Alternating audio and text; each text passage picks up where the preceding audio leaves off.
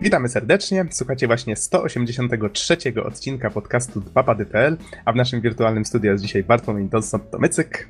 Halo, halo? Mówi z kolei Adam Noxa 15 Dębski, a nagrywamy w sobotę 7 marca 2015. I tutaj musimy was przeprosić bardzo za gigantyczną obsuwę, jaka miała miejsce. To jest chyba miejsce, to jest chyba największa obsuwa, jaką mieliśmy ever. Bo z No, tego co czyli patrzyłem. pobiliśmy jakiś rekord, mówiąc krótko. No trochę, trochę tak, bo z tego co patrzyłem, ostatni podcast nagrywaliśmy 8 lutego, więc minął miesiąc.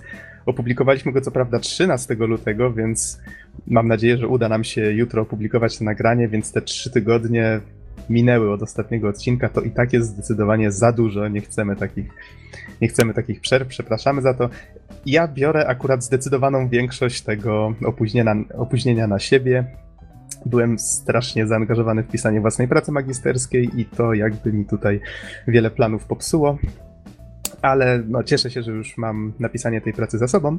Teraz tylko jakieś tam poprawki. Z kolei ten tydzień, y, teraz pierwszy tydzień marca, był o tyle niefortunny, że próbowaliśmy się zgadać w poniedziałek. Początkowo, no okej, wszyscy się zgadaliśmy, ale jednak coś tutaj y, się nie udało. Stwierdziliśmy, okej, w takim razie, kiedy możemy następnym razem? Tutaj się okazało, że dopiero piątek jest kolejną możliwością. Okej, już spotykamy się w piątek, czyli wczoraj, i nagle się okazuje, że mnie mój dostawca internetu postanowił odciąć internet, żeby wymienić maszyny, które go dostarczają tutaj w okolicy. Dzwonię i się pytam, co się dzieje. To mówią, jest pan w okolicy awarii. Ja mówię, aha. Okej, dlaczego akurat teraz? Więc no tak, taki niefor- niefortunny ciąg zdarzeń. W końcu udało nam się. Aha, jeszcze, jeszcze się trochę rozchorowałem, więc mam trochę problemy z mówieniem, ale przełammy w końcu tą złą passę, nagrajmy w końcu coś, pogadajmy o grach. Więc cieszę się, Don, że udało nam się dzisiaj, że udało nam się spotkać, żeby trochę tutaj pogadać i przy okazji to nagrać. Mam nadzieję, że podzielasz ten entuzjazm. Nie no, oczywiście, w końcu... W końcu już dawno nic nagrywaliśmy, warto wrócić do naszej tradycji. Miejmy nadzieję, że cotygodniowej. W garści newsów i oczywiście recenzji. Mhm. A razie- trochę się tego uzbierało. Myślę, że 2015 rok e, zacz, zaczął się z przytupem, jeśli chodzi o gry, zwłaszcza, że chociażby Dying Light wyszło. I Mhm. No właśnie, grałeś już. tak, już grałem, właściwie już, już powoli, powoli kończę, więc, więc pierwsze wrażenia mam, a może nawet i drugie. Mhm. To no, powiedz, czy chcesz jakoś rozwinąć myśl, czy dopiero recenzja w następnym odcinku? Bo wiem, że już niewiele ci brakuje do końca. Tak, ale podejrzewam, że po prostu zostawię sobie to, całą recenzję zrobię w następnym odcinku. Teraz ewentualnie y, powiem jedynie, y, jak to jest z pierwszymi wrażeniami, jak ta gra wygląda i z czym się je, ale to tak króciutko. A pełna recenzja potem, kiedy już skończę całą grę i poukładam sobie to wszystko, bo właściwie dużo jest kontentu y, i dużo jest rzeczy do omówienia i przeanalizowania, więc mam nadzieję z kolei, że się zbyt dużo nie rozgadam. Będzie Mhm. duże wyzwanie. To, czy chcesz po newsach, czy teraz w ramach Myślę, co ostatnio graliśmy? Dobra, po newsach. To w ramach w co ostatnio graliśmy, czy jest jeszcze coś, czemu poświęciłeś uwagę ostatnio, czy tylko Dying Light? Jeszcze jakiś czas temu DuckTales ukończyłem. y, Mhm. Grę, którą bardzo dobrze znasz, oczywiście. No ba. Podejrzewam, że dzięki temu także i nasi słuchacze udało mi się zdobyć e, chyba unikalne, unikalne wydanie premierowe, pudełkowe, z czego jestem bardzo dumny, dlatego że w sumie gra jest, jest tego warta. E, z kolei e, jestem też blisko końca innej gry, e, tutaj akurat niezależnej, Knock Knock, która jest bardzo specyficznym eksperymentem w tym, jak można budować nastrój gry. To jest generalnie rzecz biorąc, jeśli chodzi o mechanikę, po prostu zabawa wchowanego ze stworami, które wchodzą w nocy do mieszkania badacza akademickiego, tak zwanego światologa, jak samo sobie mówi. E, Ale, ale bardzo fajne, e, fajne zabiegi autorzy dokonali, sprawiając, że jakby cała gra, nie tylko wobec tego, co jest faktycznie w grze, czyli tam poziomy tego, co jest na tych poziomach na zdrowie, jeszcze raz na zdrowie. E, Nie tylko co jest na tych poziomach i nie tylko co mówi bohater, ale też na przykład twórcy dają do zrozumienia, że to w jaki sposób działa struktura gry i pewne jej funkcje, to też się liczy do odbioru, dlatego że przy pierwszym uruchomieniu y, dostajemy informację, że taki ekran z napisem, że ta gra powstała na podstawie dziwnych notatek i instrukcji, które an anonimowo zostały dostarczone do studia i, e, i w grze mogą znajdować się pewne elementy, które są jakby niezrozumiałe, mogą się zdawać niepotrzebne, mogą się zdawać balastem, ale starano się stworzyć grę właśnie najdokładniej na bazie tych notatek i właśnie dlatego te rzeczy dziwne mogą nie wystąpić. I w ten sposób twórcy sugerują, że, e, że nastrój gry stwarza także właśnie tak wspomniana przeze mnie struktura, która może być czasem nielogiczna, czyli na przykład, nie wiem, przez dwie minuty chodzenie w ciemnym korytarzu i zupełnie nic się nie dzieje, prawda? Albo dzieje się w którymś tam momencie. I właśnie sugerują, że to wszystko ma tutaj znaczenie. No, mówiąc krótko, gra jest, e, gra jest całkiem ciekawa. Jak ją skończę, na pewno trochę o niej jeszcze opowiem. I mhm. właściwie, właściwie to by było na tyle. Oczywiście kupiłem sobie nowy komputer, więc, e, więc umożliwiło, umożliwiło mi to cieszenie się rozgrywką w takich grach jak e, Dying Light, Zagięcie Itana Cartera i tak dalej, i tak dalej, więc, więc spodziewam się, że, że te gry też w końcu zrecenzuję. Mhm.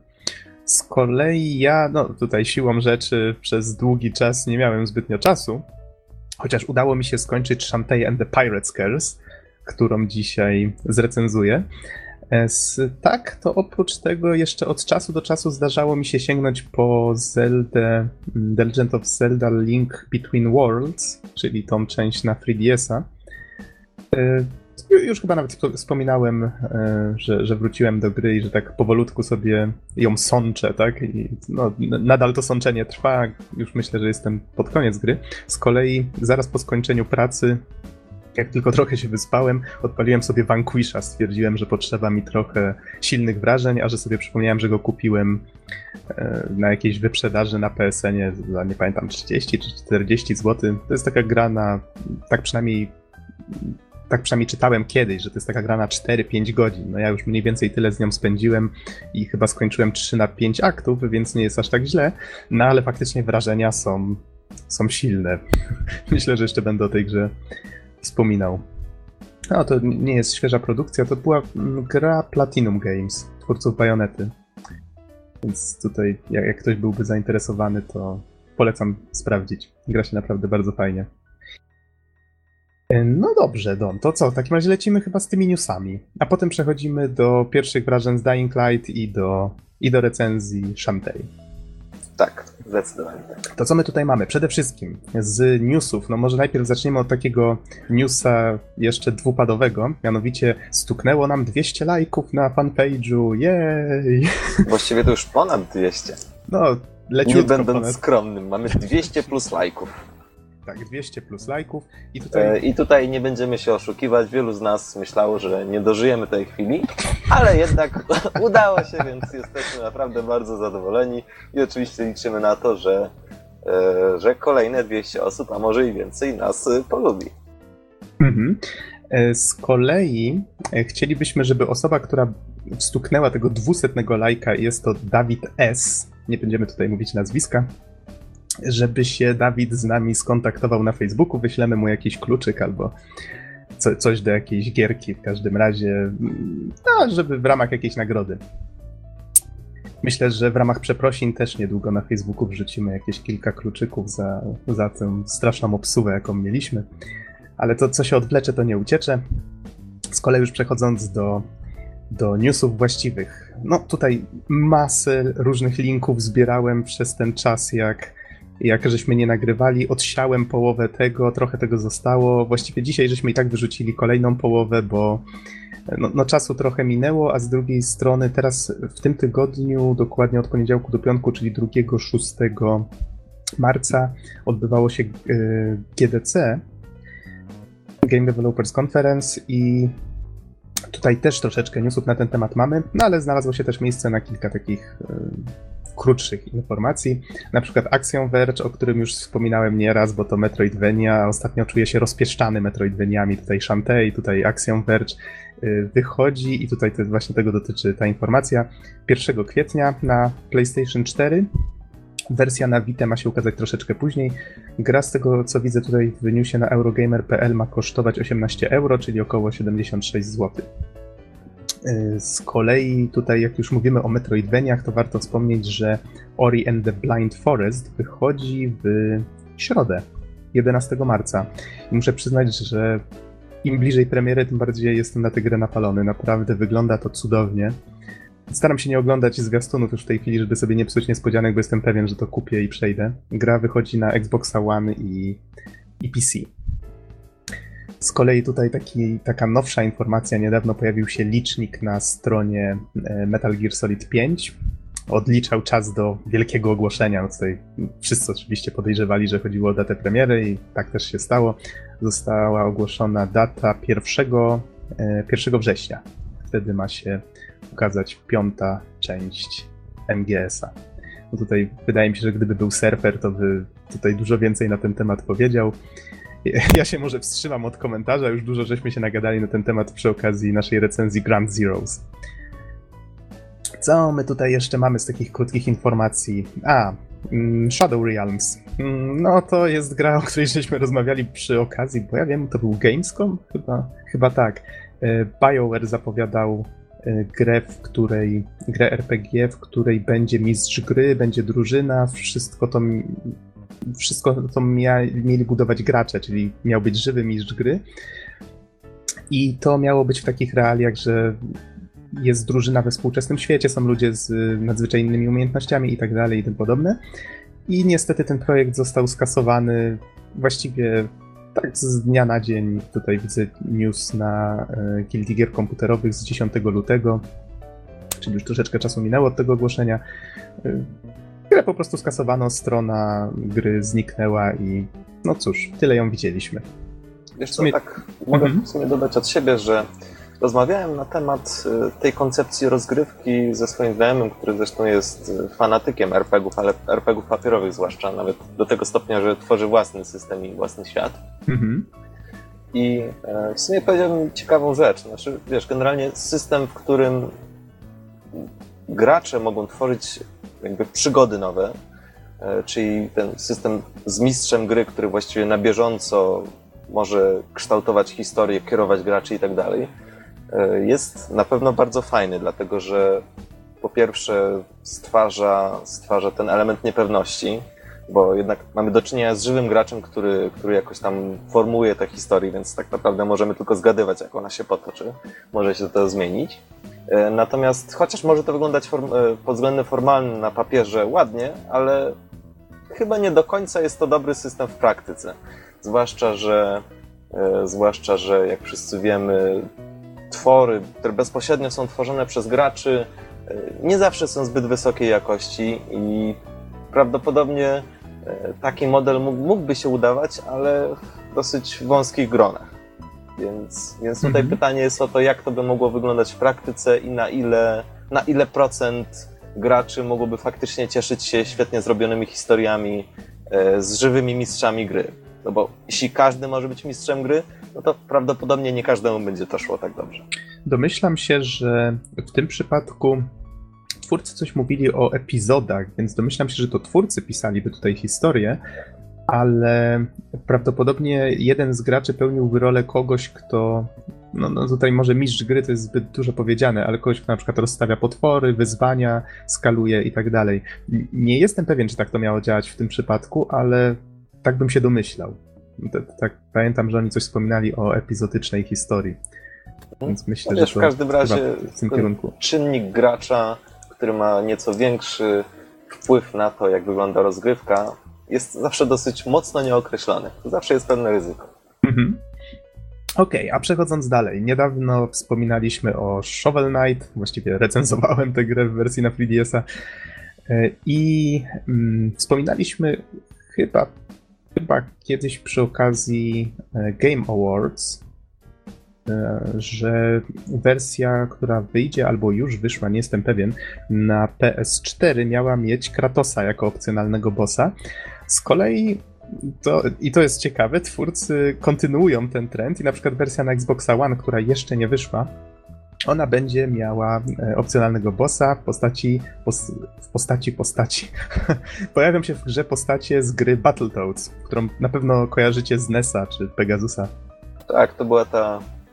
Czy to nie była ta denerwująca gra, w której można, grając w dwóch graczy, można było e, uderzać Fire? swoich? Właśnie, Friendly Fire. Tak, tak, to jest coś, I co AVG... przeszkadzać sobie nawzajem. Mimo, mm -hmm.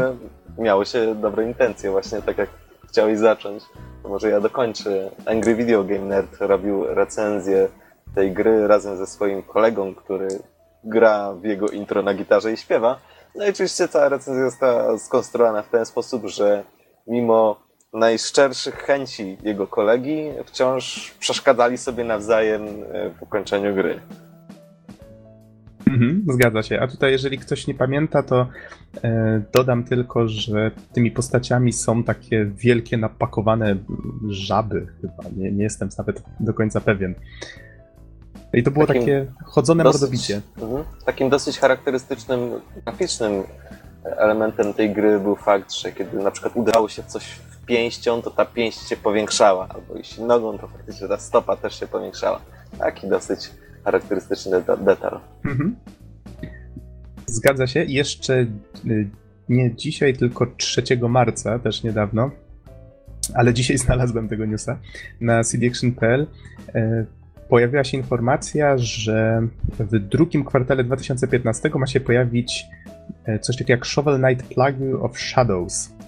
I ma to być mm, ma to być coś w rodzaju darmowego dodatku do gry. Będzie mógł, będzie mógł sobie pobrać każdy, kto grę już ma.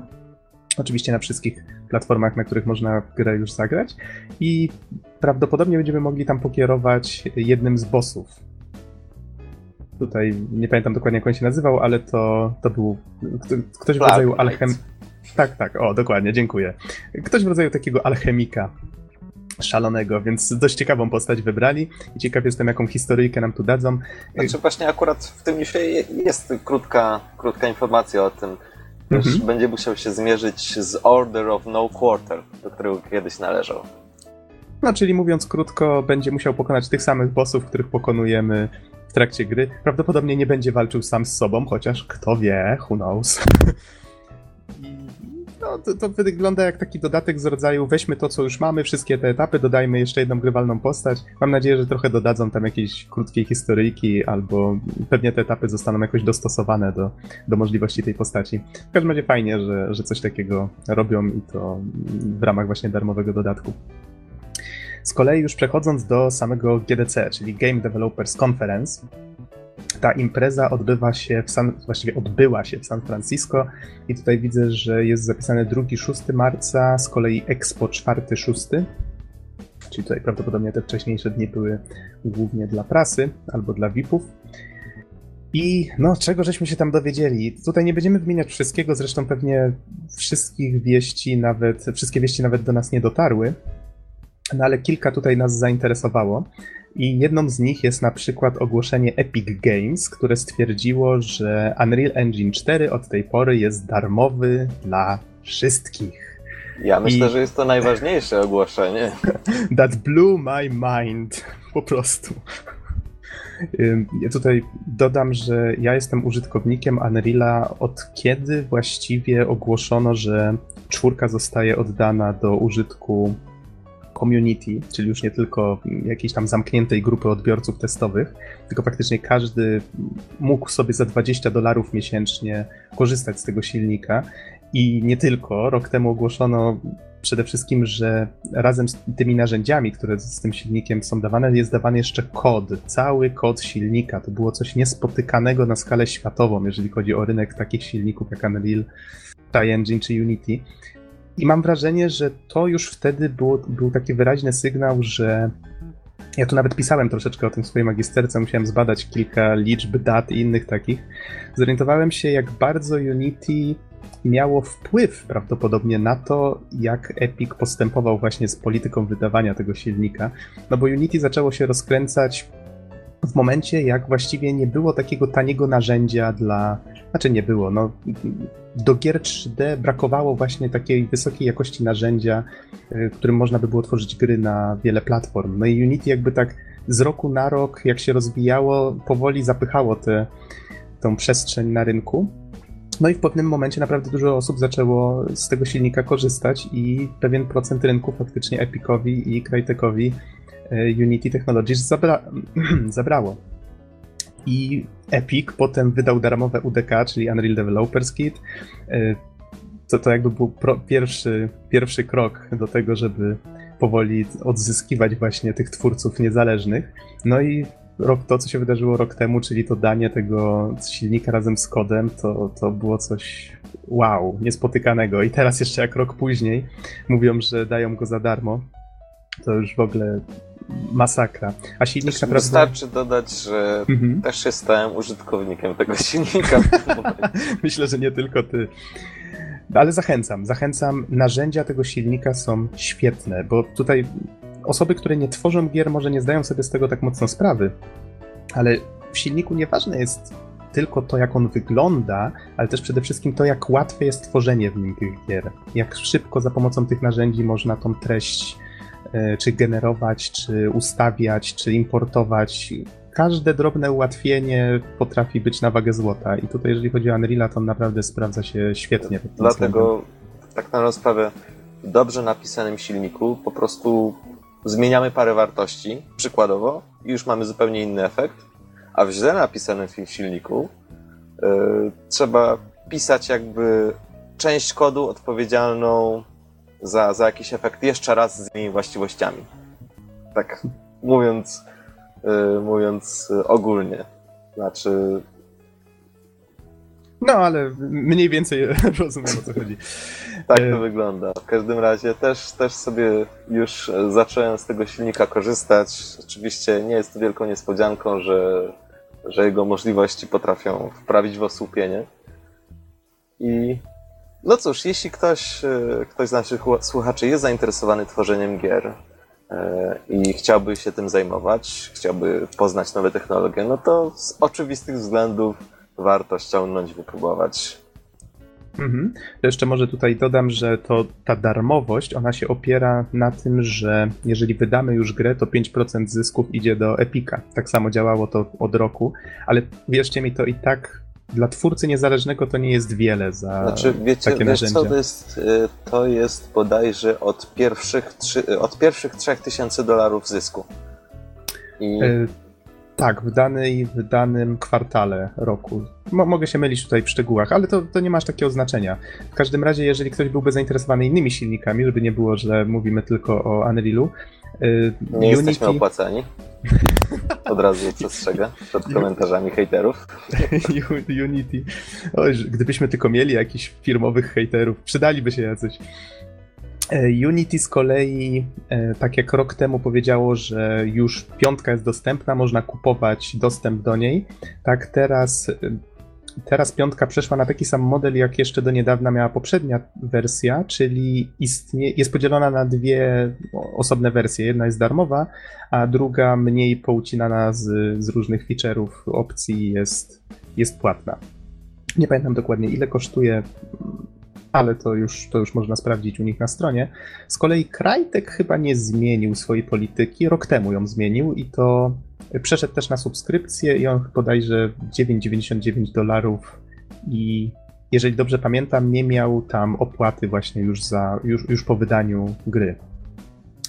No, ale to, to tyle. Jeżeli ktoś jest zainteresowany takimi rzeczami technicznymi, to możemy kiedyś jakiś special nagrać, rozgadać się trochę bardziej na ten temat, bo to w sumie jest ciekawe. Ale nie chcielibyśmy tutaj też zanudzać. Jakby był tu Norbert, to by powiedział: Panowie, panowie, idźmy dalej. Więc lecimy dalej. I co my tutaj Więc mamy? przywołajmy tę złotą myśl. Panowie, panowie, no proszę, no, idźmy dalej. Idźmy dalej. A, tak swoją drogą, jeżeli już mówimy o uwalnianiu kodu, e, 4 marca tutaj mam news e, z, ze strony Unreal Engine. E, okazało się, że Physics, ten silnik fizyki do gier NVIDIA, też już ma uwolniony kod w ramach właśnie e, Unreal'a 4. osom. Jedna osoba w komentarzach z, ty, tylko tak to podsumowała, że wow, z dnia na dzień jest coraz lepiej. Co, jutro się okaże, że dla deweloperów na Unreal Engine 4 Jezus udostępnia darmowe miejsce w raju, tak? ja, ja z kolei zobaczyłem, zobaczyłem inny komentarz. Nvidia ruined Assassin's Creed Unity. wow. E, okej, okay, lecimy dalej. Skoro już o Nvidia mówimy, e, to ogłosili, że tworzą jakąś następną wersję e, konsoli z rodziny Shield. Poprzednio to było coś w rodzaju takiej kieszonsolki. No właściwie nie wiem, czy można to nazwać kieszonsolką, bo to nie wyglądało jak coś, co się mieści w kieszeni. Przynajmniej tak wyglądało na zdjęciach, bo nigdy nie miałem tego w rękach. Ani w kieszeniach. Ani w, tym bardziej w kieszeniach. Tym razem jest to urządzenie, które nie będę tu może podawał specyfikacji technicznej, ale ciekawe w nim jest to, że ono będzie się opierało na streamingu. Czyli będzie można tak samo jak w tych usługach e, on live i Sony, nie pamiętam jak ostatnio, Sony Now, o chyba tak nazwali tą swoją usługę. E, to Nvidia też coś takiego ma zamiar dostarczać. Na start tej konsoli będzie na przykład Wiedźmin 3 dostępny. I to jest konsola, na, która jest e, zasilana Androidem, więc to jest dość, dość ciekawa rzecz. W każdym razie będzie można sobie e, wynająć streaming jakichś gier, wykupić streaming gier z serwerów. I tutaj widzę w newsie na Eurogamerze było podane, tylko już szukam wzrokiem, a, z opóźnieniem na poziomie 150 milisekund, cytując. No, czy to dużo, czy to mało, to już pozostawię słuchaczom. Z kolei z innych ciekawostek, e, Myślę, że warto tutaj trochę powiedzieć o VR-ze, w sensie virtual reality, bo rozmawialiśmy już o tym kiedyś, chyba nawet temat główny, żeśmy poświęcili właśnie wirtualnej rzeczywistości, rozmawialiśmy o Oculusie i w końcu ta wirtualna rzeczywistość powoli do nas dociera. Już być może niedługo będziemy mogli to wypróbować. I tutaj mam newsa na temat tego, że Valve wydaje swoją wirtualną rzeczywistość we współpracy z firmą HTC, Skrót jest dość. E, ja wiem, że ta firma już istniała dawno temu, tu nie ma żadnego, żadnej pułapki w tym, tylko chodzi o to, że ktoś w komentarzach słusznie zauważył, że skrót HTC można rozwinąć jako Half-Life Free Confirmed. I to jest po prostu tak piękny komentarz, że w odniesieniu do Valve. Ta firma ma razem z Valve produkować właśnie zestawy wirtualnej rzeczywistości. Chcą je wypuścić pod koniec 2015. Z kolei Sony e, opublikowało nowe informacje na temat swojego Project Morpheus, czyli też ich wirtualnej rzeczywistości. E, wkleimy pod podcastem prawdopodobnie nadal na naszym Facebooku, bo nasza strona nadal wymaga dużo pracy. Tak, wiemy, że to się ciągnie strasznie długo, przepraszamy za to. E, pod, e, pod okładką tego podcastu znajdziecie na Facebooku linki i tam będzie specyfikacja techniczna. Została podana tutaj nowa właśnie tego Project Morpheus i jest zapowiedziany na jego start na początek 2016. Więc tak jak mówię, zapowiada się, że VR będzie mocno kwitł przez najbliższy rok. Czy wiesz co, moim zdaniem generalnie, jak wszyscy wiemy, to się zaczęło od Oculus Rifta, ale E, myślę, że Oculus Rift miał tutaj o tyle dużą rolę, dlatego że przetarł pierwsze szlaki dla tego typu urządzeń i udowodnił, że nie musi to być urządzenie drogie, nie musi to być urządzenie, które jest dostępne tylko nielicznym e, i bardzo niepraktyczne, nieporęczne, czyli mówiąc krótko, zamykające się w iluś procentach rynku. Oczywiście mm, dobrze wiem, że tego typu technologie jak VR, czy chociażby E, czy chociażby takie urządzenie, e, które sczytuje input e, z butów, może no, o którym mówiliśmy, bodajże się nazywało Omni, Virtuix, Omni czy coś tak, takiego. Tak, tak, mówisz o tej bieżni takiej Tak, to była kulistej. taka bieżnia, w której można się było zamknąć i biegać po prostu w miejscu i gra potem sczytywała te wszystkie rzeczy, włącznie tam z kucaniem i skakaniem. Tego, tego typu technologie są naprawdę niesamowite, ale chciałbym też zauważyć, że E, że one też są bardzo ryzykowne. Ja miałem okazję obejrzeć fragment takiego programu, w którym właśnie autorzy tego projektu e, mi przedstawiali go przed grupą inwestorów, to było kilku inwestorów i najpierw przedstawili produkt, a potem odpowiadali na pytania. No i oczywiście e, takie, no nie wiem, wręcz młodzieńcze marzenia czy, czy pragnienia o tym, żeby, żeby zastosować nową technologię i wprowadzić ją na rynek, i wprowadzić ją dla graczy, zostały schłodzone dosyć mocno przez zimną kalkulację, czyli czy ktoś będzie chciał e, grać na czymś e, takim, co na przykład, nie wiem, generuje tyle hałasu podczas grania, albo ile osób będzie w stanie trzymać coś tak wielkiego w pokoju i tak dalej, i tak dalej. Więc, więc tutaj bardzo dobrze, że Oculus Rift te, te pierwsze szlaki wytyczył. No i oczywiście, jako że mamy te kilka innych propozycji, to jest jak najbardziej dobra wiadomość dla graczy. Natomiast, natomiast ja osobiście już mam E, mam powoli w planach, że może nie za 5 miesięcy, może jeszcze nie za rok, ale takie urządzenie prędzej czy później na pewno sobie kupię. Oj, do, doskonale Cię rozumiem. Też się nie mogę doczekać to będzie prawdziwa rewolucja. Coś tak czuję. Mam nadzieję, że to naprawdę stanie się przyszłość. Może nie jedyna, w sensie, że tylko w ten sposób będziemy grali, bo wydaje mi się to raczej mało prawdopodobne, ale jako taka alternatywa na zasadzie, o, mam PlayStation, mam powiedzmy 3DS-a i mam PC-a i mogę sobie to podpiąć do którejś z tych rzeczy właśnie, jakiś jakiś headset i, i, sobie grać. To, to byłoby fajne. No i pozostaje jeszcze tylko mieć nadzieję, że ten niebywały rozpęd. No, moim zdaniem jest to naprawdę niebywały rozpęd, że kilka naprawdę wielkich firm zdecydowało się nagle robić coś takiego. E, dlatego, że tak jak powiedziałem wcześniej, tego typu technologie nie zawsze muszą się dobrze przyjmować i też pozorom nie zawsze dobrze się sprzedawać.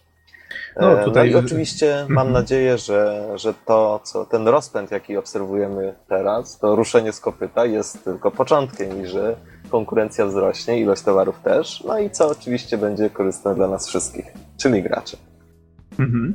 A tutaj jako przykład warto podać sam VR, bo przecież już wcześniej y, pojawiały się takie urządzenia, już nie wiem, 10-20 lat temu, co nie? I to zawsze gdzieś tam w takich ramach ciekawostki krążyło tej chwili w końcu to może być na tyle tanie i przystępne, że i wygodne, że, że może w końcu się przyjmie.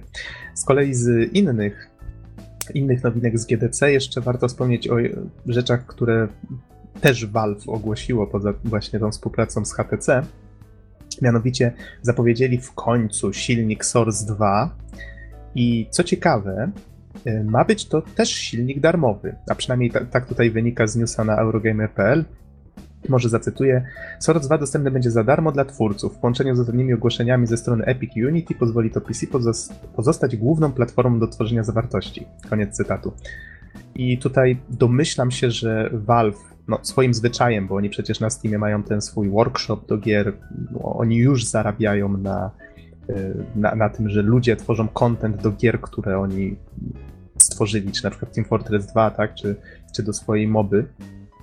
I e, Epic w tej chwili podchwytuje troszeczkę ten model z Unrealem Tournamentem, w którego już można grać, e, choć jest dopiero w prealfie. I już można do niego czapeczki robić. tak, PS to prawda. Więc to, to, to, tak, tak zaczyna się właśnie ciekawie rozwijać w tym kierunku i Valve mam wrażenie, że oni z tym silnikiem, z tym Source 2 też będą krążyć właśnie coś takiego, żeby żeby zachęcać ludzi do tego, żeby uczyli się korzystać z tego source'a, żeby tworzyli części do, do gier, mody, mapy, no różne tego typu rzeczy. Wydaje mi się, że tak będzie wyglądać. Ogłosili jeszcze coś, co nazwali Steam Link, I to ma być urządzenie do streamingu. Z, tutaj może zacytuję. Innym ogłoszonym od Valve jest urządzenie Steam Link umożliwiające streaming rozgrywki z dowolnego PC czy Steam Machine w 1080p i 60 klatkach na sekundę. Premiera w listopadzie za 49 dolarów, około 183 zł. Koniec cytatu. Oczywiście newsa wkleję pod, pod podcastem. I w sumie ostatnia informacja z GDC, która nam tutaj wpadła w oko, to informacja o tym, że tutaj już akurat news cdaction.pl, że będzie można to po angielsku jest nazywane cross-buy, czyli nie wiem, czy to ma jakiś ładny polski odpowiednik? Kupowanie krzyżowe? Nie, nie brzmi jakoś zbyt dobrze. Nie baw się w słowotwórstwo, nie, nie baw się w słowotwórstwo, bo stworzysz potwora. Okej, okay. nie będę tworzył potworów. Y, chodzi o to, że jak kupimy coś na Xbox One, chodzi tu konkretnie o gry, to dostajemy też wersję na Windows 10. No, Proste. I wydaje mi się, że będzie to też działać na zasadzie vice versa i tylko pytanie, jak daleko wstecz to sięgnie i czy w ogóle sięgnie. czy, czy faktycznie, jeżeli już ktoś posiada jakieś gry kupione na Xbox One y, cyfrowo, to czy one faktycznie już od razu, jeżeli istnieje wersja PC, to czy pojawią mu się do ściągnięcia na przykład na Windows 10, czy, czy nie. No tutaj to już będzie trzeba poczekać, żeby się dowiedzieć takich szczegółów, mam wrażenie. Niemniej jest to bardzo fajna inicjatywa ze strony Microsoftu. Myślę, że gdyby Bizon był, to teraz z nami to by pokiwał głową z, z aprobatą, tak? I co my tu jeszcze wrzucimy? Wrzucimy pod podcast trzy filmiki.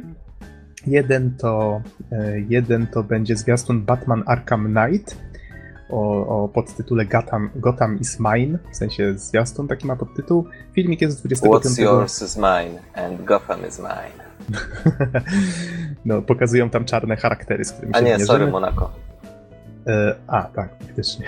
tak zastanawiałem się, skąd ja znam to hasło. E, z, z kolei kolejny filmik to Wolfenstein The Old Blood i to jest już dużo nowszy filmik. E, Ukazał się 4 marca. Ogłoszono, że będzie to prequel, samodzielny prequel do e, Wolfenstein The New Order. Wiesz co, tak może Mhm. trącę ci się w słowo, dlatego No że bardzo. właściwie to już jest chyba trzeci raz, kiedy to gracze powracają do, do zamku Wolfenstein. Pierwszy raz oczywiście akcja działa się w podziemiach tego zamku. e, Pierwszej gry Wolf 3D. Potem mieliśmy chyba bodajże w 2001 roku Return to Castle Wolfenstein, który właściwie był remake'iem tej pierwszej. A teraz z kolei mamy e, trzecią grę, w której, e, w której Blaskowicz, no, jeśli się nic nie zmieniło, to pewnie będzie on, tak, podejmuje tak, się zgadza się. misji e, infi- infiltracji tej, e, tej placówki. Teraz e, w sumie jest to bardzo ciekawy pomysł, dlatego że z jednej strony wydaje mi się, że e, e, w świadomości graczy ta lokacja, rzeczy z nią związane i nastrój z nią związany już jakoś jest utrwalony. E, Niektórzy pewnie pamiętają e, pierwsze gry, natomiast co jest e, ciekawe, otóż właściwie wydaje mi się, że od ostatniej gry Wolfenstein, The New Order, mam nadzieję, że się nie pomyliłem, Mhm. E, Generalnie cały klimat gry, cały jej nastrój zdecydowanie się zmienił. On nabrał takich trochę. Jest barwniejszy, jest ciekawszy. e, Zdecydowanie mm, poszedł w zupełnie innym kierunku niż, e, niż poprzednio, niż mój właśnie Return to Castle Wolfenstein 2001 roku. I dlatego myślę, że bardzo ciekawe będzie zderzenie tutaj tych dwóch koncepcji, bo jednak podejrzewam, że będzie sporo nawiązań e, i, i jakby przedefiniowanie tego, jak taki zamek mógłby wyglądać. Więc myślę, że to, to, może, to może być naprawdę ciekawy eksperyment. Mhm. Bo tutaj wytłumaczę, że w Wolfenstein The New Order y, akurat to, to jest ciekawe, nie pojawi, pojawiają się jakieś zamkowe lokacje czasami, ale nie ma tam zamku Wolfenstein jako takiego. Więc tutaj cie- ciekawe, że akurat w prequelu postanowili do tego wrócić i dowiemy się, jak Blaskowicz poznał e, głównego czarnego charaktera z, z e, The New Order. Nie pamiętam dokładnie, jak się nazywał. De Death's Head? Czy ja- jakoś tak. Ta postać pojawiała się już w poprzednich Wolfach, co znajomy e, mi e, uświadomił niedawno, jak rozmawialiśmy, bo ja nawet nie pamiętałem takich szczegółów. Chyba nawet w pierwszym Wolfensteinie albo, albo w Return to, w którym się w każdym razie pojawił. Nie, nie licząc Robo Hitlera, tak? Z jedynki. Okej. I trzeci filmik. Trzeci filmik, jaki zamieszczymy pod podcastem, to będzie filmik, który nie jest dość nowy, bo on wyszedł, widzę tutaj, no pojawił się na YouTube 26 października 2013, ale wydaje mi się, że warto go obejrzeć, jeżeli choć trochę interesuje Was e, Arma, czyli ogólnie gry, które stawiają na realistyczne przedstawienie pola, pola walki. Tutaj Don, ty podesłałeś mi ten filmik jakiś czas temu i naprawdę zrobił na mnie wrażenie, bo autor tego filmiku em, on obrazuje, w jaki sposób Właściwie- działa O, Mhm. Omówiony jest system, balistyczny strzelania, tak? omówiony został system balistyki, który, który funkcjonuje w Armii Trzeciej. E, I właściwie cały filmik polega na, e, na pokazaniu różnych broni, e, które oczywiście różnią się od siebie zasięgiem strzału, siłą rażenia, czyli prędkością pocisku, różnymi właściwościami. I każda z broni została poddana kilku testom. Na przykład postawiono 10 drewnianych ścian i po strzałach z różnych broni śledzono po prostu trajektorię każdego z pocisków i można było na przykład zauważyć, z której broni pocisk, e, z jaką prędkością uderzał przez pierwszą, drugą, trzecią ścianę, kiedy zaczął opadać, e, czy też może w końcu przebił się przez wszystkie ściany i, i przeleciał jeszcze kilkaset metrów, potem odbił się od ziemi i jeszcze dalej. I pofrunął w powietrze. Mhm.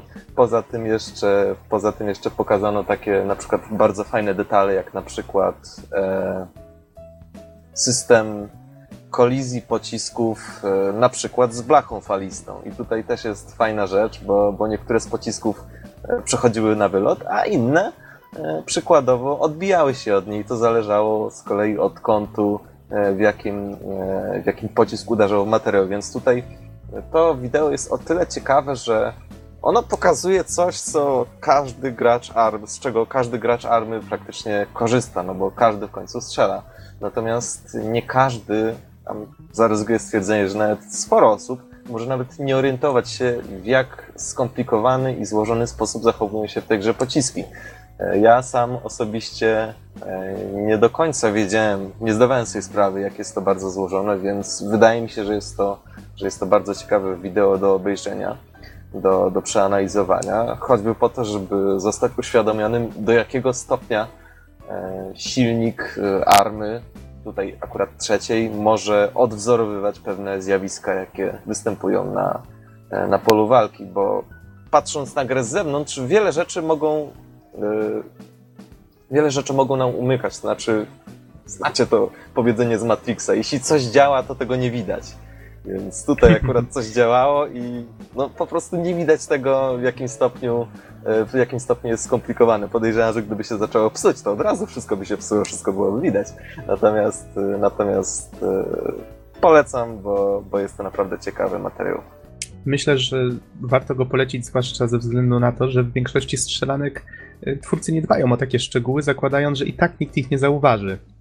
W takim Wolfensteinie zakładam, czy w Call of Duty zakładam, że to działa po prostu tak, że okej, strzelamy, prowadzona jest prosta od, od wylotu lufy i po niej leci jakiś pocisk. Jeżeli ktoś jest na przykład, widzimy na snajperce tak, że ktoś jest na środku krzyżyka, więc jeżeli go teraz wystrzelimy, no to go trafimy. Tymczasem tutaj ta kula traci rozpęd po pewnym czasie, tak jak w rzeczywistości, zaczyna spadać, więc trzeba brać pod uwagę prawdopodobnie też siłę wiatru i inne tego typu rzeczy, to już pewien nie jestem, ale autor to zobrazował mm, kolorami, liniami i tak dalej, krzywymi, więc to można zobaczyć i, to jest fajne, bo człowiek nagle zdaje sobie sprawę, wow, ile w tą grę włożono włożono detalu i, zaangażowania, no to to robi wrażenie. Nieczęsto wydaje mi się, że można, można się zorientować, wow, nie wiedziałem, że pociski w rzeczywistości mogą się tak zachowywać. Być może niektórzy też razie- będą mieli taki... Wiesz co? Tak przypomniał mi się taki Aha. jeden gif, który, o którym nawet kiedyś chyba mówiliśmy na podcaście. E, To był taki gif, który chyba z Battlefielda, któregoś, nie pamiętam już którego, e, na którym jeden gość celował do innego gracza, który był oddalony zresztą jakieś, nie wiem, kilkaset metrów, 700. E, Celował ze snajperki i nie mógł go trafić, bo tamten zajmował się czymś innym, biegał sobie po okolicy, no i po prostu jakoś był zbyt ruchliwy. Więc, e, więc strzelec po, po kilku nieudanych próbach po prostu wyciągnął pistolet i na ślepo po prostu w jego kierunku zaczął strzelać. E, No i okazało się, że fizyka pocisków pistoletu jest nieco inna niż fizyka pocisków e, z broni snajperskiej i dzięki temu ten kill był możliwy. Okej, wydaje mi się, że już możemy, możemy w takim razie już skończyć mówić o tych technicznych ciekawostkach, bo w sumie całkiem sporo dzisiaj tego było. E, Chociaż dajcie nam znać, może, może wolicie słuchać o takich tematach. Ale przejdźmy już do, do pierwszych wrażeń o Dying Light. Potem przypomnę, że będzie recenzja Shantae.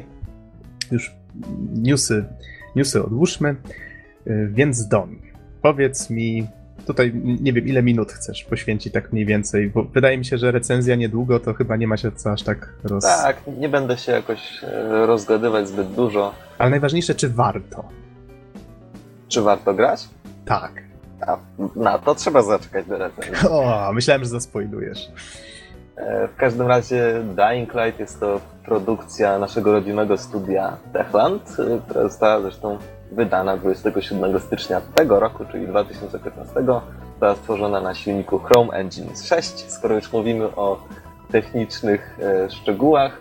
No i na dobrą sprawę jest to, jest to taki duchowy następca Dead Island 1, które zresztą z Noxem mieliśmy okazję recenzować na 153 podcaście. Wow, pamiętasz? To Czy sprawdziłeś? tak. Czy sprawdziłeś numer przed chwilą? No, Sprawdziłem, mam, mam ściągawkę. E, W każdym razie, e, w każdym razie widać tutaj mocno, że, e, że Dying Light prawdopodobnie jest tym, co Dead Island miało być. Przy czym oczywiście zostały dodane nowe pomysły e, na rozgrywkę i nowe funkcjonalności, no bo inaczej bym tego nie widział, tak? Przez, przez lata jednak e, dokonał się pewien postęp. E, Natomiast widać wyraźnie, że, że Techland e, chyba trochę rozwijał się i dorósł w tej koncepcji świata zombie, żeby stworzyć właśnie Dying Light. I to im się udało. E, Jeśli chodzi o setting, to mamy miasto, które znajduje się gdzieś w Europie Środkowej, czy Środkowo-Wschodniej, które się nazywa Haran. E, I to, to są właściwie raczej takie klimaty być może Bliskiego Wschodu. No tak, ledwo co Europa, można powiedzieć, bez urazy oczywiście dla, dla Bliskiego Wschodu.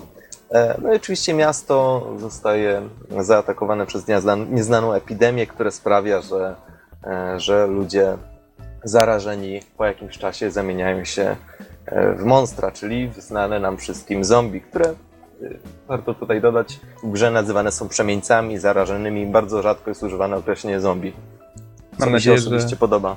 mam nadzieję, że ten Dlatego, katar, że- który złapałem, to, to nie jest aż tak niebezpieczny. No, raczej nie. E, W każdym razie mm, podoba mi się to określenie, dlatego że e, wiele jest gier, które traktują, które- które traktują o zombie i ten zombie to jest właściwie taki osobny twór, wiecie, że zombie to się fajnie zabija, że, że zombie to są takie, takie fajne i tak dalej, czy, czy, też, czy też śmieszne, czy fajnie się je dekapituje i tak dalej, i tak dalej. Natomiast tutaj jest e, jakby wyraźnie, e, wyraźnie położony nacisk. To jest zarażony, E, Czyli to jest po prostu osoba, która choruje. Oczywiście ona się zmieniła nie do poznania w tym czasie, ale podoba mi się to, że nie ma tego wyraźnego odseparowania. E, I właściwie, e, właściwie podoba mi się to, że w grze, e, w grze zostało wprowadzone kilka fajnych rzeczy, których dotąd nie widziałem w tego typu produkcjach. To znaczy ocaleli e, nie są grupkami wędrownymi, tak jak na przykład The Walking Dead The Game e, od Telltale, tylko po prostu raczej mają osiadły tryb życia, bo w sumie w, na terenie miasta też nie ma się gdzie poruszać. I tak też na przykład mamy wieżę, czyli taki wielki blok w slumsach, którym, w którym jest po prostu cała grupa ocalałych i tworzą oni taką dosyć ciekawą społeczność, e, w której, e, w której jed- jedni zbierają zapasy, inni robią jeszcze coś innego i właściwie jest to taka grupa wsparcia wzajemnego. E, Natomiast jest też oczywiście główny terrorysta, który się nazywa Rais. On też ma swoją bazę i bandytów. Natomiast co jest ciekawe, otóż e, przejdę może trochę do, do tego, jak wygląda tutaj fabuła. Otóż główny bohater jest, e, jest Kylem Crane'em, który jest agentem GRE, na szczęście nie GRU, tylko GRE. E, został zrzucony do miasta po to, żeby odzyskać jeden bardzo ważny plik. Ten plik jest w, po, w posiadaniu tego wspomnianego już terrorysty Raisa, E, I z tego co pamiętam, ten plik zawierał niedokończoną formułę lekarstwa na, na chorobę, która się rozprzestrzeniła w Haranie. Tyle, że jest on nieukończony i opublikowany mógłby, mógłby stanowić wielkie niebezpieczeństwo, dlatego że mógłby zostać wykorzyst- wykorzystany do produkcji broni biologicznej, właśnie która zamieniałaby ludzi w monstra, czyli w zombie. E, I właśnie agent Crane został wysłany tam, by e, by przejąć ten plik i nie dopuścić do, do jego publikacji. Co z kolei z. Czy jego starania przypadkiem nie są już trochę za późno, skoro i tak wszyscy zamienili się w zombie? Czy wiesz, w mieście może i się zamienili w zombie, ale co z pozostałą częścią świata? No tak, słuszna uwaga. E, znaczy wiesz, generalnie mm, samo to założenie dosyć e, zrodziło moje proste pytanie, a co jeśli Rais skopiował plik na 20 urządzeń osobnych? To, to prawda. Co wtedy? W każdym razie, e, w każdym razie nie będę się już za bardzo o fabule rozwodzić, bo, bo troszeczkę i tak już przy, przydługo jest jak na pierwsze wrażenia.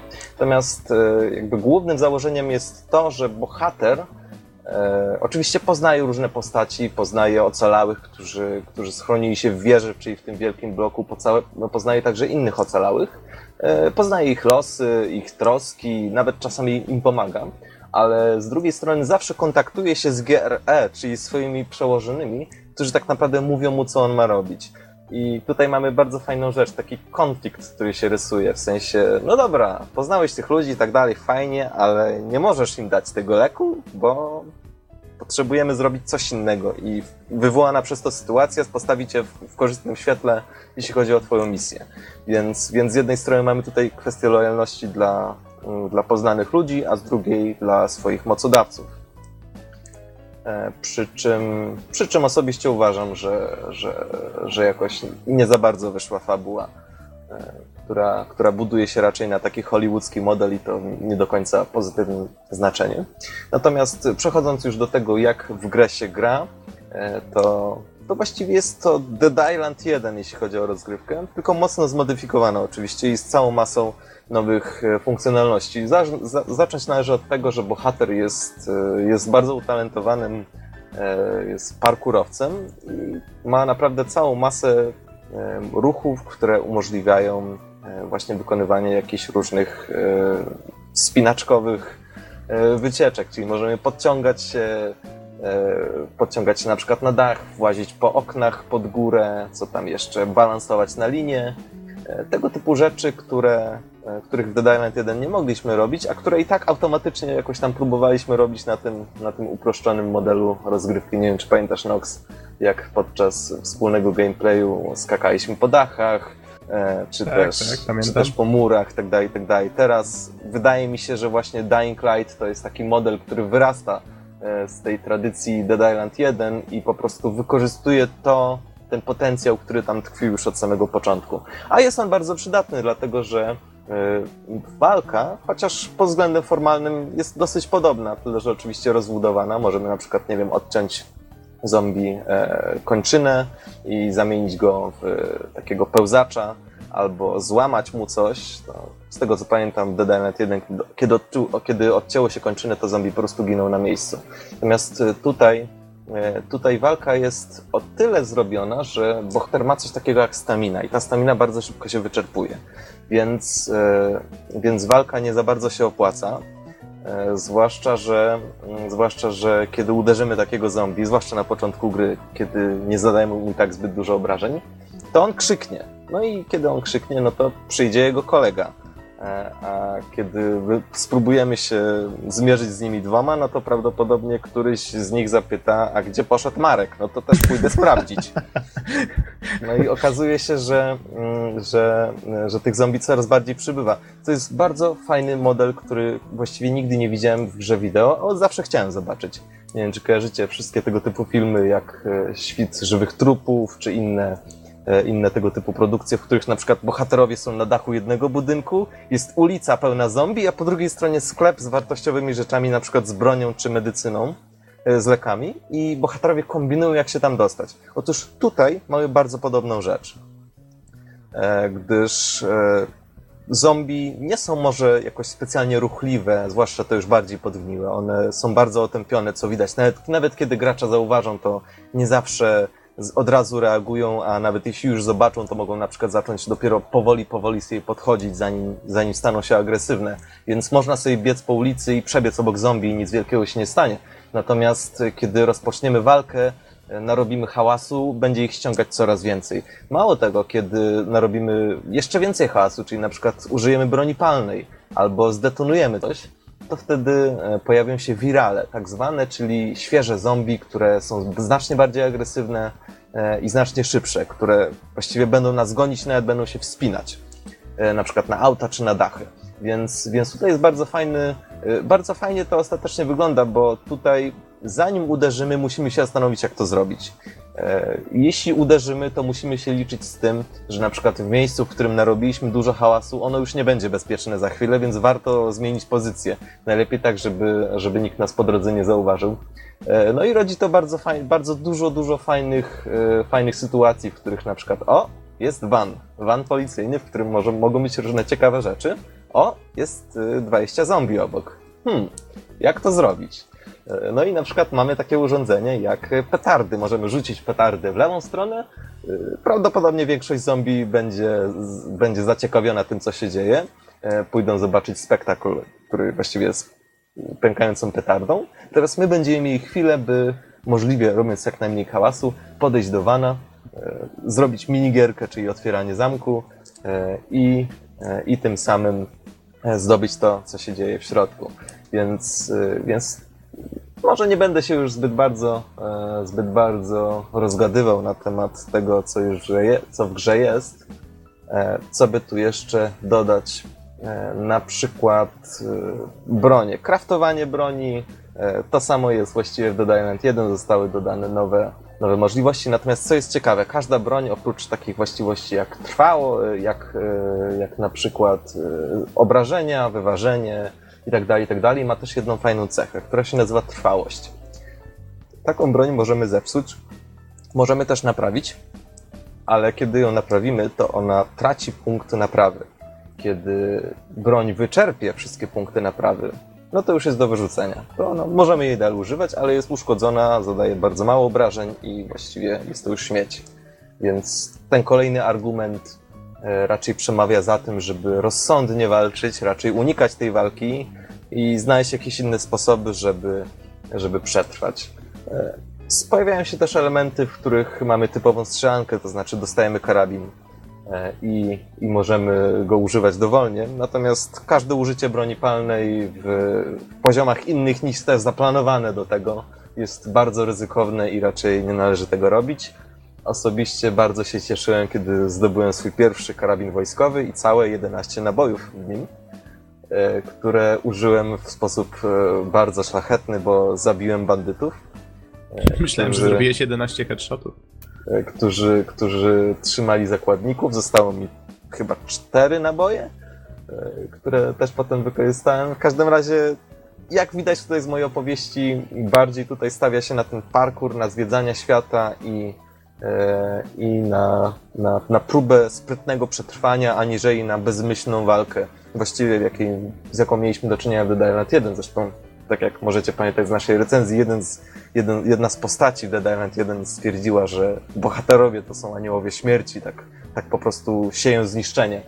Powiem jeszcze tylko króciuteńko o level designie.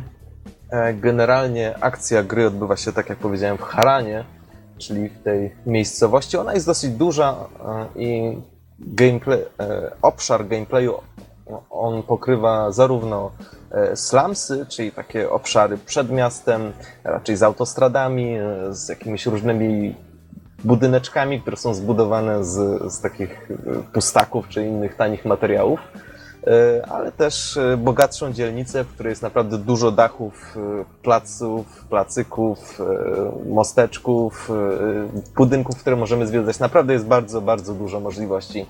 E, I muszę powiedzieć, że mapy nie są może jakieś gigantyczne, ale zostały one zrobione tak po pierwsze, by wyglądać na duże, a po drugie mają w sobie naprawdę bardzo, bardzo dużo kontentu.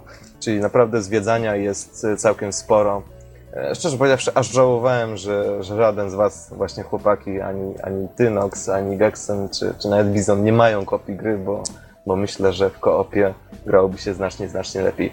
Dobra, kończąc już te przydługie pierwsze wrażenia, które chyba zrodziły się w taką Mini taką mini recenzyjkę, Dying Light zdecydowanie, mm, zdecydowanie zrobiło na mnie pozytywne wrażenie. Jest to gra, do której Techland dorósł, żeby ją zrobić i to wyszło naprawdę bardzo, bardzo dobrze.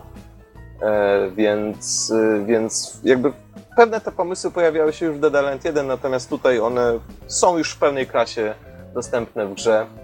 E, Jestem już praktycznie pod koniec e, produkcji, ale, ale kiedy ją skończę, prawdopodobnie dodam jeszcze coś e, i być może skuszę się na, na nieco głębszą analizę paru rzeczy, ale, ale też postaram się nie rozgadywać. Mam nadzieję, że wyjdzie mi to nieco lepiej niż teraz. Póki co e, myślę, że możecie czekać na pełną recenzję już bez stresu, bez napięcia, jeśli takie w ogóle by wystąpiło, jaki będzie jej wynik, e, bo w grę naprawdę warto zagrać i jeśli będziecie mieli okazję ją dorwać, to też szczerze polecam. Póki co. Póki co, ale mówisz, że do końca tak podejrzewasz, ile ci godzin mniej więcej zostało? Ile już przy niej spędziłeś? No, myślę, że, że zostało mi około 4 godzin, 3 godzin, to już jest prawie koniec, ale, ale jednak mimo wszystko chciałbym, chciałbym zobaczyć wszystko, bo, bo to może mieć krytyczne znaczenie. Jednak, jednak mimo wszystko lepiej mieć, lepiej mieć pełny obraz, a nie, a nie tylko częściowy. Przy grze spędziłem już 23 godziny, więc jest to całkiem sporo. Mhm, okej. Y, Czy w A takim może masz razie jakieś pytanka?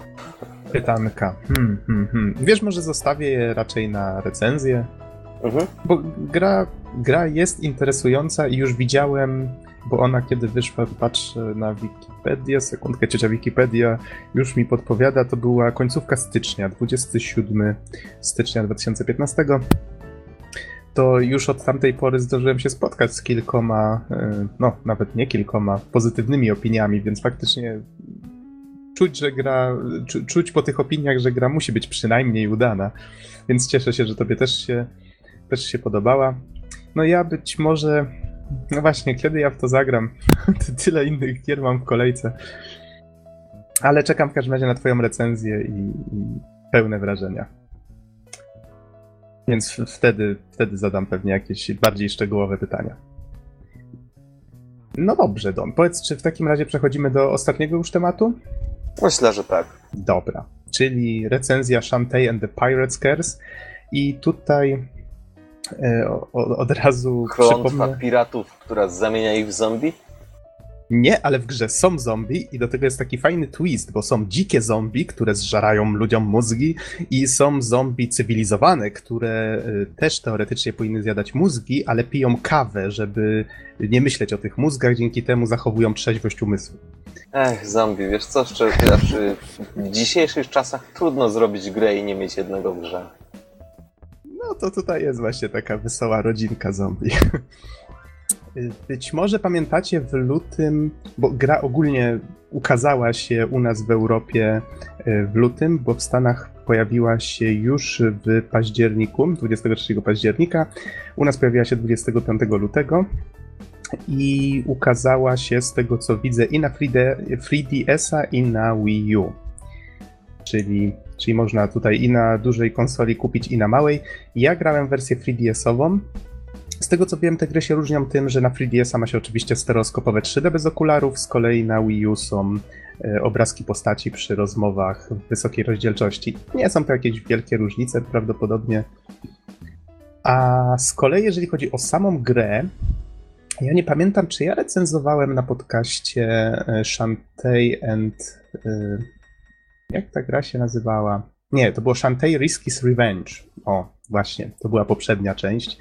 Chyba nie, ale pamiętam, że na pewno dużo mówiłeś o tej grze przy okazji trailerów czy innych materiałów.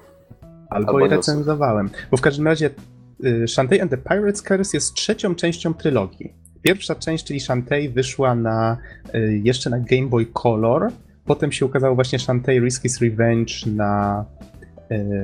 Ta gra była chyba na GBA i ona, czy na DSi. Tu już muszę sprawdzić, żeby przypadkiem nie palnąć. Y, Tak, ona wyszła na DSiWare, nie na GBA, przepraszam. Czyli ona wyszła na cyfrową dystrybucję na DS-a. To się pojawiło dość późno i te wcześniejsze modele tego nie wspierały, więc tutaj myślę, że WayForward, które tę grę stworzyło, są to też twórcy m.in. DuckTales Remastered, więc no, ja jestem fanem tych ludzi, oni już od, stworzyli od kilku ładnych lat kilka takich naprawdę fajnych platformówek. Dla mnie osobiście stali się taką oazą platformówek. Oni jako jedyni w tej chwili tworzą takie, y, takie gry właśnie które bardzo lubię, bo na przykład mnie zawsze gry na kieszonsolki kojarzyły się z takimi grami jak Metroid, jak Castlevania i w tym takim metroidveniowym wydaniu, czyli że mamy, niby mamy platformówkę 2D, ale jest to jednocześnie otwarty świat, możemy go zwiedzać. I tutaj na Game Boya Advance'a był na przykład Me- Metroid Fusion, y, był Metroid Zero Mission, były też trzy Castlevanie, potem na DS-a, y, co prawda Metroid już się ukazał w 3D i nie był aż tak udany, y, ale były trzy kolejne Castlevanie, więc zawsze te Metroidvanie gdzieś na tych kieszonsolkach się pojawiały. I nagle na 3DS-ie cisza. Nie wiem, ta, taka się stworzyła nisza, Myślę, że jest dużo właśnie fanów tego typu gier, którzy czekają, aż ktoś tę niszę zapcha i właśnie WayForward tymi tymi swoimi Shantae troszeczkę myślę, że próbowało to zrobić, bo Risky's Revenge właśnie można sobie też kupić na e-shopie 3DS-a, tak dopiero po raz pierwszy zagrałem w tę grę. Zresztą później się właśnie ta pierwsza część z GBC też pojawiła na tym e-shopie. Jeszcze jej nie przeszedłem, troszeczkę w nią grałem. W każdym razie seria się rozwija, seria się dopiero rozkręca, można by powiedzieć. Teraz pojawiło się Shantae and the Pirates Curse, w planach jest Shantae Half Genie Hero, które zostało sfinansowane na Kickstarterze i tak dalej, i tak dalej. I przechodząc już właśnie do tej, do tej gry, o której dzisiaj mówimy, czyli trzecia część trylogii, tutaj od razu mogę powiedzieć, że to jest najlepsza część, jaka wyszła, bo do wszystkich poprzednich można mieć jakieś wąty, a to widać, że ta gra miała być bardziej rozbudowana, a to coś tam w level designie mi nie grało, na przykład w tym y, Riskies Revenge. Tutaj z kolei gra faktycznie sprawia wrażenie takiej bardziej spójnej i dopracowanej. No ale zacznijmy może od początku, czyli od fabuły. Bohaterka tytułowa, czyli właśnie ta Shante, to jest roztańczona pół Jean, y, roztańczona dlatego, że kojarzy się właśnie z taką tancerką brzucha, i jej zadaniem jest, ona jest właściwie takim dżinem obronnym miasta. Miasto się nazywało bodajże, z tego co pamiętam, y, Scuttletown. I jeżeli coś grozi temu miastu, na przykład atak piratów czy coś w tym rodzaju, no to ona wtedy wkracza do akcji. I akurat na samym początku, y, na samym początku Pirates atakuje miasto znana nam już postać z poprzednich części, czyli Ammo Baron. No, ktoś w rodzaju takiego gościa z armią, co to co, co to jeździ i atakuje różne miasta. No i on przejmuje władzę w Scuttletown. Niestety nasze, nasze starania z prologu e, kończą się tym, że e, Ammo Baron swoimi wpływami sprawia, że z pałacu, z pałacu sułtanowej przybywa rozkaz rozbrojenia Shantej. Twierdzi, że ma mm, dokument, który go upoważnia do przejęcia władzy właśnie w mieście i że Shantej bezprawnie go starała się powstrzymać przed tym. No a cóż, jak tu rozbroić bohaterkę, której główną bronią są włosy? Bo Shantae jest o tyle nietypową postacią, że ona biczuje swoich przeciwników własną długą fryzurą. Jest to dość, dość nietypowe, dość przerysowane, owszem, e, ale sprawdza się całkiem fajnie, ładnie to wygląda, bo gra jest ładnie animowana, wszystko jest takie kreskówkowe, troszeczkę przerysowane. I ta nietypowa broń też sprawia, że postać jest dość charakterystyczna. Ma taką, Shantae ma taką długą, fioletową fryzurę właśnie. No i cóż, jak ją rozbroić? Przede wszystkim można te włosy ściąć. No i tutaj oczywiście, wiadomo, wielka drama. Więc bohaterka, żeby uniknąć tej, e, te, tego losu, ma farta, bo akurat się okazuje, że zmartwy, niedługo być może zmartwychwstanie tak zwany Pirate Master, jakiś wielki, zły kolo, który kiedyś siał zniszczenie po całej krainie. Pojawia się e, główna antagonistka z poprzedniej części, właściwie z jedynki też, która się nazywa Risky Boots. To właśnie ona w tytule było to Risky's Revenge w poprzedniej części. I no tutaj dziwnym zbiegiem okoliczności okazuje się, że Risky też ma, e, te, też ma interes w tym, żeby powstrzymać właśnie Pirate Mastera przed jego zmartwychwstaniem. Dlatego obie łączą siły i wyruszają w podróż. Shantae w ten sposób unika tego ścięcia tych włosów, tak? I w ten sposób ruszamy na przygodę po różnych wyspach. Każda z nich ma przeróżne, przeróżne środowiska, każda z nich stanowi jakiś właśnie jakiś otwarty teren, który możemy możemy zwiedzać i na każdej z tych wysp musimy znaleźć, e, to zostało nazwane bodajże legowisko ciemnych sił. Sprowadza się to do tego, że to jest po prostu dungeon, na końcu którego czeka jakiś boss do pokonania.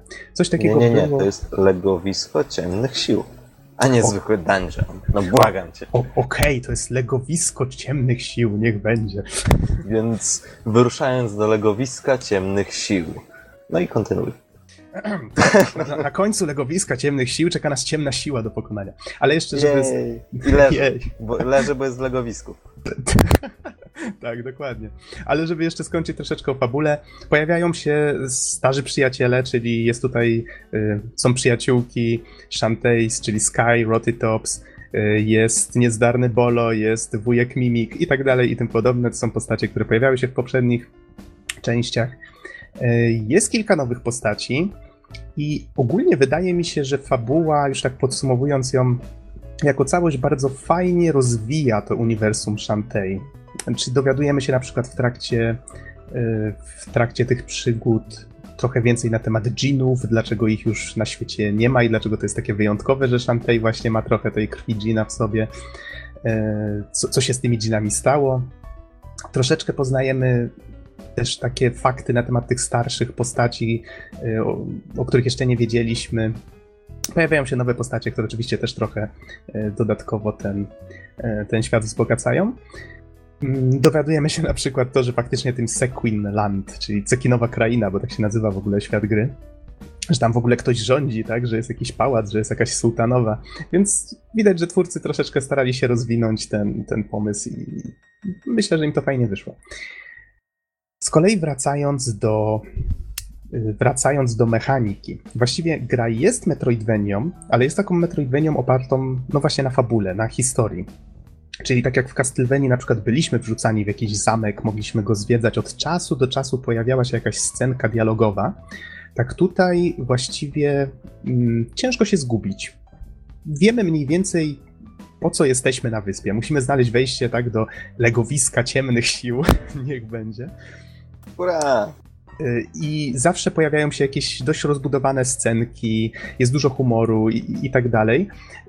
I właściwie, mm, właściwie, no, chodzi mi tutaj o to, że ta fabuła tak nas prowadzi, że właściwie no, ciężko tu zbłądzić w tej grze. No to to jest akurat jakby najważniejsze w tym, co chciałem, co, co miałem na myśli przez to. Wspomniałem już o legowiskach ciemnych sił. W notatkach mam dungeony i mnie to bez przerwy myli. Wspomniałem już o bossach. Są tu o, oczywiście fajne walki z bossami, w trakcie których musimy wykorzystywać swoje umiejętności, o których jeszcze wspomnę. E, środowiska są różnorodne i właściwie to, co mi się bardzo w nich spodobało, to to, że mm, nie są przeciągane. Z jednej strony czasami żałowałem, bo wow, to ta wyspa na przykład składa się z fajnych z fajnych asetów graficznych, ładnie to wszystko wygląda. Chciałoby się, żeby była dwa razy większa, ale nie, tutaj powiedzmy, skończyliśmy przygodę w tym miejscu, ciach, lecimy do następnego i dzięki temu się środowisko często zmienia. Za chwilę znowu jakaś scenka. Innymi słowy, bez przerwy coś się dzieje, twórcy nie przeciągają nie przeciągają niczego w nieskończoność, nie starali się na siłę nic tam wpychać. Wydaje mi się, że to nawet całkiem nieźle o tej grze świadczy a spotykamy na przykład takie środowiska jak pustynia, jak śnieg, yy, jakieś lasy. Jest całkiem sporo właśnie tego. Niektóre widać, że sprite'y pochodzą, bo gra jest właśnie stworzona yy, pikselkowatymi sprite'ami, chociaż one bardzo ładnie się prezentują na ekraniku 3DS-a. Jest oczywiście stereoskopowe 3D, o czym już wspominałem, to też bardzo fajnie tutaj zostało wykonane. Więc te wszystkie światy bardzo ładnie się prezentują w takim profesjonalnym, ładnym pixelarcie. Zwiedzamy tu też, no może nie będę wszystkich wymieniał, ale z takich dość nietypowych miejsc jest na przykład wyspa, która sprawia wrażenie takiego świata umarłych, czy coś w tym rodzaju, jakieś takie glutowate, e, jakby zrobione ze smoły potwory tam łażą. Więc są, są też takie dziwaczne właśnie miejsca. E, jeszcze jeden taki argument przemawiający za tym, że to jest taka Metroidvania oparta na fabule. Jest tutaj backtracking, czyli jest tu konieczność wrócenia na przykład do miejsc, w których już byliśmy, ale zawsze jest on nagradzany fabułą. Czyli tak jak w niektórych grach, powiedzmy, twórcy wydłużają rozgrywkę w taki sposób, że okej, okay, teraz musisz się wrócić kawał drogi w tamtą stronę, wziąć to i, i wrócić znowu w inne. Tak tutaj zdarzy, właśnie regularnie, powiedzmy po dungeonie, musimy zrobić takie cofnięcie się na którąś z wysp, zawsze pojawiają się drobne wskazówki, czy to w rozmowach, czy gdzieś, gdzie powinniśmy się udać, więc to jest właśnie, co przemawia za tym, że ciężko się tutaj zgubić. Nie ma raczej tak, że, że się zastanawiam, jak kurczę, gdzie teraz powinniśmy pójść. E, chyba, że po prostu wszystkie rozmowy przewijamy, bo też można to robić. I zawsze po skończeniu takiej sekcji backtrackingu, zawsze, ale zawsze znajduje się jakaś scenka zabawna, która na przykład pokazuje, co powiedzmy, co przedmiot, który żeśmy zdobyli w ten sposób, albo y, co postać, którą spotkaliśmy, co, co się z nimi dzieje i, i tak dalej. Jest to fajne. Gra ma sporo pokręconego poczucia humoru. I przez pokręcone, no może tutaj podam taki ekstremalny przykład z początku, z początku gry spotykamy na jednej zielonej wyspie e, turystki, które mówią, Polsce. że. turystki z Polski. Spotykamy na pewnej wyspie turystki z Polski, nie, no not really, y, które narzekają na to, że zostało oszukane, że na tej wyspie nie ma wody. no cóż, ruszamy, żeby wodę przywrócić. Okazuje się, że na samym szczycie wyspy mieszka olbrzymia jaszczurka. Tak wielka, że jak zaczyna się ślinić na zapach pieczeni, który ze sobą przynosimy, to hmm, cóż, dowiadujemy się, mówiąc wprost, dlaczego wyspa nazywa się Wyspą Śliny. Wracamy do tych turystek, a one całe ten, całe radosne, już oczywiście w strojach kąpielowych pływają, mówią, że woda jest cudowna, taka ciepła, tylko trochę lepka. To taki ekstremalny przykład pokręconego poczucia humoru z tej gry. Mamy tu też jakieś nawiązania do do jakichś tworów lat 80. czy 90., na przykład do Himena jakieś nawiązania, takie żarty, które mam wrażenie, że już młodsi odbiorcy może nie skojarzą, ale, ale trochę starsi na pewno będą mieli z tego, no może nie niezły ubaw, ale na pewno się uśmiechną przy tym. Więc jest tego trochę, są przeróżne atrakcje, na przykład, yy, może żeby wam tu nie spoilować za bardzo, to wymienię jedną. Yy, pewny, tak, takie, to są takie atrakcje, które łamią ten schemat yy, schemat, że płyniemy na jedną wyspę, znajdujemy mm, kolejne leże złych mocy, tak, y, i potem znowu lecimy na następną i na następną, na następną, tylko czasami dzieje się coś, co stara się ten schemat trochę przełamać. Jedną z takich sytuacji jest na przykład, gdy trafiamy do pustynnego pałacu, i nagle się okazuje, że wszyscy w tym pałacu twierdzą, że jesteśmy księżniczką, która zaginęła i że pani powróciła, cudownie. No i cóż, y, zostajemy uwięzieni w swoim pokoju, żebyśmy już więcej nie uciekali, no i musimy z tego pałacu uciec. Od razu powiem, że ta misja jest całkiem zabawna, dzieje się tam jeszcze dużo innych y, rzeczy i ogólnie rzecz biorąc jest to chyba najbardziej fanserwisowa misja w całej tej grze, ale dlaczego to już będziecie musieli sprawdzić sami. E, z kolei, mm, już tak, tak może tutaj, mm, żeby troszeczkę o mechanice jeszcze wspomnieć ważnych rzeczy, mamy tutaj umiejętności, czyli rzecz, która jest, no, myślę, że dość kluczowa w każdej Metroidvanii. Coś, co pozwala nam zdobywać nowe ruchy, które następnie w jakiś sposób wpływają na, na to, czy możemy trafić do jakichś nowych miejsc, albo, albo inaczej się poruszać. I wydaje mi się, że to, co jest ważne w Metroidvaniach, to to, żeby te umiejętności faktycznie wpływały na to, że ten backtracking, który, no cóż, ciężko się go pozbyć z tych gier, bo na tym to polega, na eksploracji przede wszystkim, e, to tutaj, e, tutaj zrobiono to dobrze, czyli każda taka umiejętność, którą zdobywamy, ona w jakiś sposób wpływa na to, jak się poruszamy. Na przykład jest umiejętność jak z Metroida, która pozwala nam po kilku sekundach bardzo się rozpędzić i po prostu lecieć przed siebie na złamanie karku, niszcząc wszystkich przeciwników. E, mamy tu też na przykład umiejętność, która pozwala nam, e, kapelusz konkretnie, bo wszystkie umiejętności, które tutaj zdobywamy, są związane w jakiś sposób z, ze sprzętem piratów. Shantae straciła swoje moce w poprzedniej części i nie ma już tutaj, nie może się transformować na przykład ze zwierzęta, ale zdobywa właśnie różne bronie związane właśnie w jakiś sposób z tym Pirate Masterem, czy tam pistolet, czy kapelusz i, i wykorzystuje je właśnie w różny zabawny sposób. Na przykład e, działo jest tutaj wykorzystywane do podwójnego, nawet potrójnego skoku. Bohaterka po prostu wystrzeliwuje pod siebie kule armatnie i, i leci w górę. A kapelusz pozwala nam na przykład szybować. I to wszystko wpływa na to, jak się poruszamy i co widać zresztą na zwiastunach na początku gry na przykład jakiś bardzo długi, e, bardzo długi teren, idziemy normalnym tempem, pokonujemy przeciwników, a pod koniec gry już na przykład przebiegamy przez niego, przeskakując, szybując, lecąc, odbijając się. Całkiem, całkiem fajnie to rozwiązano i dzięki temu flow gry jest e, bardzo płynny.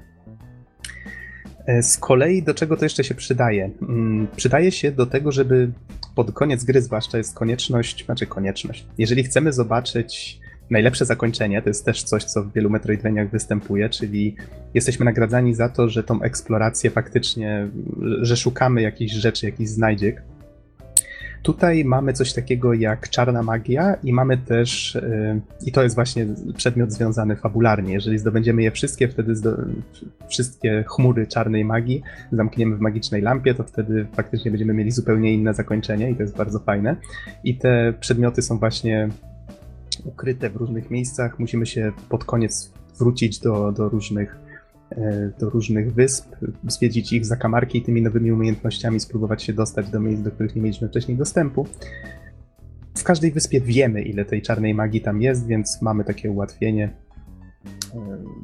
I jeszcze oprócz niej znajdują się, można znaleźć tak zwane sercowe kałamarniczki. Wiem, brzmi dość nietypowo. Są to takie czerwone stworki, które wyglądają bardzo słodko i służą do tego, żeby y, zanieść je do takiej jednej pani z młotem w Scuttletown, która zgniata je i sprawia, że, że stają się kolejnym serduszkiem zdrowia naszej postaci. I szczerze mówiąc, zrobiło mi się żal tych biednych sercowych kałamarniczek, Zastanawiałem się przez pewien czas, czy twórcy nie zrobili tego specjalnie na zasadzie, że a ludziom pewnie będzie żal i oni wtedy na przykład nie będą chcieli ich zgniatać, będą chcieli mieć mniej zdrowia, żeby ocalić te kałamarniczki i wtedy ich jakoś nagrodzimy. Myślałem, że, że tak to miało działać. Co prawda żadnej nagrody się nie doczekałem, ale przeszedłem grę nie zabijając ani jednej sercowej kałamarniczki. tak się trochę pochwalę. Więc jest to owszem możliwe. Jest to owszem możliwe. Gra nie okazała się aż taka trudna, jak początkowo, jak początkowo myślałem. Jest w niej też dużo przedmiotów, których możemy używać. One są na dolnym ekranie, możemy je uaktywniać naciskając, czy to są jakieś potiony, czy na przykład jakieś latające wokół nas ostrza, które niszczą przeciwników, czy osłona, która sprawia, że y, pociski do nas nie docierają przez kilka sekund. Więc to wszystko i, te przedmioty wypadają z przeciwników, więc to wszystko sprawia, że, że gra nie jest jakoś szczególnie trudna. No jak byłem w stanie ją przejść na podstawowym zdrowiu, które stanowi, już nie pamiętam dokładnie ile, ale tak jedną piątą, może jedną dziesiątą tego, co można mieć pod koniec gry, to no, no to świadczy o tym, że faktycznie weterani nie będą mieli z nią jakichś większych trudności. Łącznie zajęła mi jakieś 8 8 chyba, albo nie, 9 godzin i jeszcze godzinę szukałem właśnie tych znajdziek, których, których nie znalazłem, żeby odblokować najlepsze zakończenie. Jeżeli ktoś y, wciągnie się w grę, to może dodatkowo na przykład mm, zrobić takie wyzwanie speedrunowe, bo gra ma taki wbudowany system troszeczkę podobny do tych Metroidów właśnie z GBA, że jeżeli przejdziemy ją poniżej bodajże półtorej godziny, to, to wtedy dostaniemy jakąś inną planszę. Jeżeli przejdziemy ją w półtorej godziny i na przykład jeszcze zdobywając 100% przedmiotów, to jeszcze jakąś inną planszę, coś w rodzaju takiej tapety w menu. Nie jest to niby wielka nagroda, ale zawsze, zawsze ma się świadomość, że, że się czegoś tam dokonało, prawda? E, I co tu jeszcze można o grze wspomnieć? Hmm, z takich ciekawostek może. Niektórych może zdziwić, że, grze, że w ratingu gry Chyba, że Don, masz jakieś pytania do tego, nie, co nie. powiedziałem?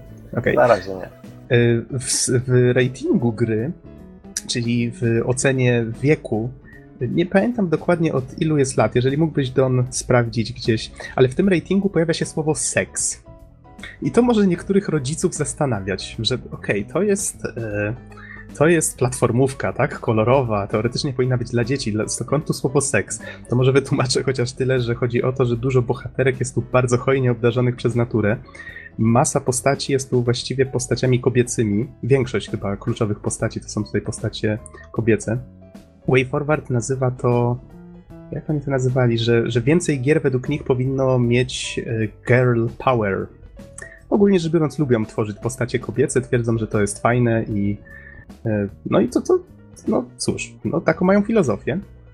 Tylko, że właśnie no, w niektórych sytuacjach ma się wrażenie, że ta, jest tu taka delikatna erotyka i w tych, y, i w tych obrazkach, i, i we wszystkim.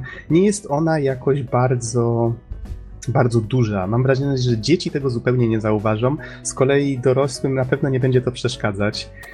E, wiesz tak, co, tylko jak w ramach ciekawostki się tylko, że, mhm. że właśnie ta gra od PEGI dostała e, rating od 12 lat. E, mhm. Zostało zauważone, że gra zawiera kreskówkową przemoc przeciwko ludziom, przemoc w kontekście sportowym, jeśli dobrze tłumaczę, no i właśnie te seksualne jakieś motywy, które się pojawiają. No tak, bo tak jak mówiłem, bohaterka jest tancerką brzucha, ma odsłonięty brzuch, wszystkie postacie e, są hojnie obdarzone przez naturę, tak, więc biusty i te sprawy, wszystko jest, no. Tylko, że tak jak mówię, to jest wszystko taka dość subtelna erotyka. Myślę, że grającym panom nie będzie to na pewno przeszkadzać trochę rysowanej erotyki. Paniom, nie wiem, jeszcze nie dyskutowałem nigdy z żadną panią, która przeszła grę z serii Shantae. W każdym razie Way Forward ma taki styl i Wydaje mi się, że nie robią tutaj nic, nic złego akurat w tej grze. Gra jest pełna takiej pozytywnej energii, więc to nie jest tak, że tu któraś z tych bohaterek jest jakąś taką, nie wiem, stereotypową idiotką. Tutaj nic takiego się nie zdarza, więc wydaje mi się, że oni to raczej robią tak w pozytywnym sensie. No. Mnie się to w każdym razie nie kojarzyło nigdy źle w, w, tym przypadku. Tak jak wspomniałem, no jedna misja jest tu dość fanserwisowa, ale już powiedziałem, że nie będę mówił dlaczego. Oprawa to już mówiłem, że profesjonalnie wykonane sprite'y, piękne animacje tak samo zrobione. Trochę jest takiego wykorzystywania starych sprite'ów z poprzedniej części, ale jakoś nie zauważyłem, żeby to było zrobione w zły sposób. To wszystko ładnie się na 3 ładnie się komponuje, jeszcze zostało do, do tego dodane mnóstwo nowej treści więc jest jak najbardziej super. Stereoskopowe 3D bardzo ładnie tutaj wygląda. Muzykę oczywiście wewnętrzny kompozytor WayForward, czyli Jake Kaufman zapełni, zapewnił, więc to jest facet, który idealnie się nadaje do robienia takich żywych, skocznych, bardzo wesołych soundtracków i to jeszcze takich trochę elektroniki, trochę dance. Nie jestem pewien, bo ja tutaj, tak jak nieraz mówiłem, nie jestem zbyt dobry w określaniu gatunków muzycznych ale chiptune troszeczkę też, chociaż tutaj nie, raczej nie powiedziałbym, że tutaj jest, jest to chiptune'owy soundtrack. Ale jest to na pewno bardzo, bardzo skoczny, fajny, E, fajny ost i jeszcze do tego, tak jak w wielu przypadkach, w których wydawca, no w tym przypadku WayForward sam wydaje, samo wydaje grę, więc Jake nie miał z tym najmniejszych problemów, on publikuje swoje soundtracki darmo. Więc jeżeli macie wątpliwości, czy chcielibyście zagrać w grę, możecie najpierw po prostu odsłuchać sobie całego soundtracku. Tak jak w wielu innych gier, które WayForward też tworzyło. jako ciekawostkę teraz sobie przypomniałem, że właściwie nim zagrałem w którąkolwiek Shantae, to najpierw e, bardzo długo słuchałem właśnie soundtracku do Risky's Revenge. No i w ten sposób się nasłuchałem i w pewnym momencie stwierdziłem, że muszę w tę grę zagrać. Więc może ktoś zacznie swoją przygodę z grami Way Forward też w ten sposób. No i myślę, że tutaj jedyne co zostało mi do dodania to to, że gra kosztuje na e-shopie, mm, przynajmniej na FreeBSie, bodajże z 70 zł, 60-70, coś koło tego. Myślę, że jest warta tej ceny, chociaż no jeżeli kogoś zniechęca te 10 godzin, to, to nie wiem. Według mnie jest, jest to 10 godzin naprawdę napakowanych różnymi atrakcjami. No i jeżeli tęsknicie za takimi czasami Castlevanii, Metroidvanii, chociaż ta gra jest mniej na eksploracji, bardziej na fabule oparta, to i tak wydaje mi się, że możecie brać to w ciemno. No. Mniej więcej tyle ode mnie. Czy masz, Don, jakieś pytania? Myślę, że temat został wyczerpany, więc możemy w takim razie kończyć audycję. Okej, okay, to w takim razie myślę, że w następnym odcinku, no zobaczymy, czy uda nam się zgarnąć surfera, może Norberta. Bizon niestety jest ostatnio bardzo, bardzo zajęty. Ale mam nadzieję, że jeszcze kogoś uda się zgarnąć, żeby nie nagrywać tylko dwie osoby. Więc będzie nas więcej. Mamy nadzieję, że będzie nas więcej. Prawdopodobnie będzie też recenzja Dying Light, no i zobaczymy, może będą też pierwsze wrażenia z Ori and the Blind Forest. Tak liczę na to, bo czekam na tę grę bardzo, bardzo, bardzo. Więc dziękujemy wszystkim bardzo za uwagę i do usłyszenia w następnym odcinku. Trzymajcie się. Cześć.